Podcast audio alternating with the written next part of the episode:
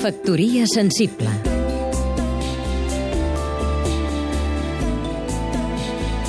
Oleguer Sarsenedes, periodista Si busqueu al Google, trobareu que el dia de l'espectacular atemptat de la Marató de Boston, tres morts i prop de 150 ferits, n'hi van haver més de bombes al món. Alep, Síria, un cotxe bomba, 18 morts. A Oregon, Estats Units, una bomba casolana, dos ferits. A Califòrnia, Estats Units, una immolació amb bomba. A Mingora, Pakistan, un atemptat contra un polític local, tres morts.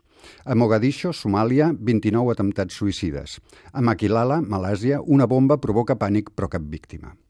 És a dir, comptant les dues de Boston, un total de 36 bombes que van provocar 54 morts i un nombre indeterminat de ferits.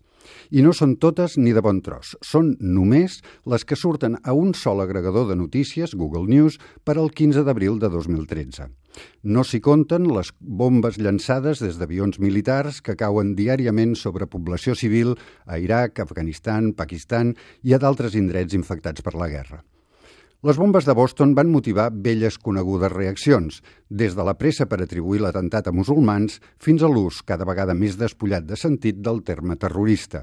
Això a Occident. Als països musulmans, la reacció dels ciutadans va ser simplement de por.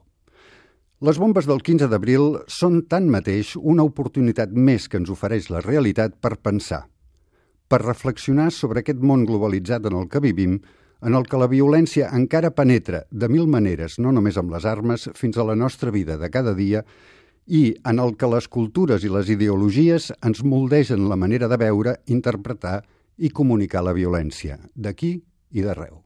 Factoria sensible